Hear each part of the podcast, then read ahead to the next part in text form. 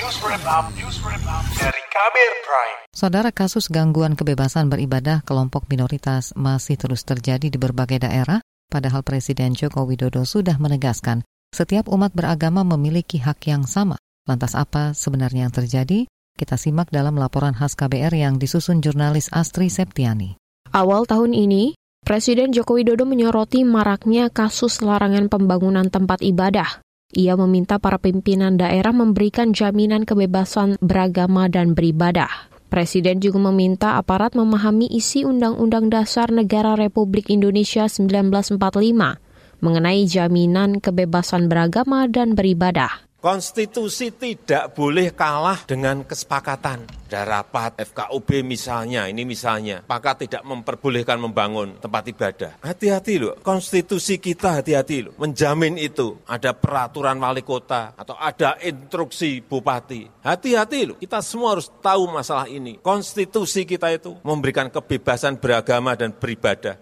Jokowi juga menekankan bahwa agama minoritas juga memiliki hak yang sama dengan umat mayoritas untuk beribadah. Sementara itu, Menteri Dalam Negeri Tito Karnavian menyebut, konflik agama di daerah seharusnya mudah diselesaikan jika Forum Komunikasi Umat Beragama atau FKUB berjalan sebagaimana mestinya.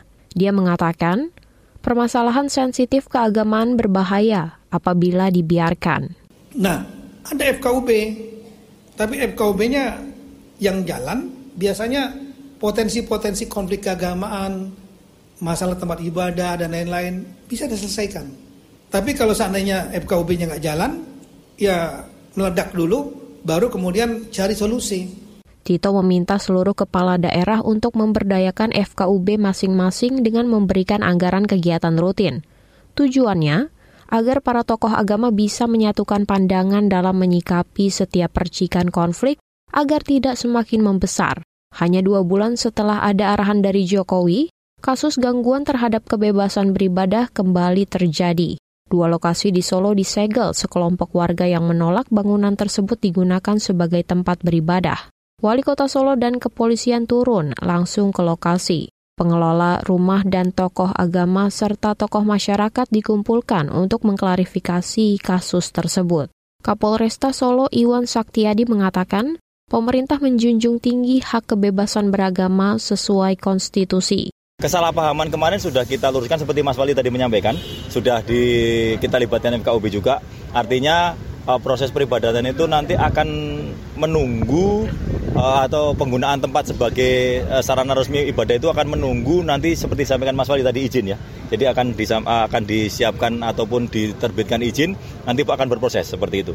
Jadi tentunya kalau pengamanan ya secara secara umum kita akan mengelola harga Kamtipmas. Artinya upaya-upaya yang kita lakukan kemarin pun juga untuk uh, tidak munculnya friksi tidak munculnya kesalahpahaman yang akan berujung kepada gesekan. Ya, artinya penghormatan atas uh, kebebasan beribadah itu kita dijamin oleh pemerintah. Sulitnya pembangunan rumah ibadah bahkan juga terjadi di Pulau Timor. Proses pembangunan gereja Masehi Injili Bethlehem di Kabupaten Timor Tengah Utara mendapat penolakan dari kelompok intoleran. Kasus itu kini dikawal LSM Masyarakat Sipil di Pulau Timor, Cis Timor. Relawan Cis Timor Lola Fernandes mengatakan, proses perizinan tak kunjung keluar selama bertahun-tahun. Cistima melakukan pendampingan terhadap izin pembangunan gereja Bijeli ini sudah hampir lima tahun. Sejak tahun 2018 kita melakukan advokasi pendampingan, tapi sampai dengan saat ini kembali lagi mandek.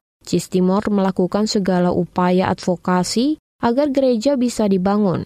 Mereka menemui pemuka agama, pemerintah, hingga DPR RI di Jakarta. Lola mengatakan, Jemaat sudah melakukan mediasi dengan Forum Koordinasi Pimpinan Daerah atau Forkopimda. Dari hasil mediasi, diputuskan pembangunan gereja dihentikan sementara sambil mengurus dokumen-dokumen pelengkap untuk diterbitkannya rekomendasi. Meski ibadah tetap bisa dilaksanakan, namun pembangunan gereja terhenti. Demikian laporan khas KBR yang disusun Astri Septiani.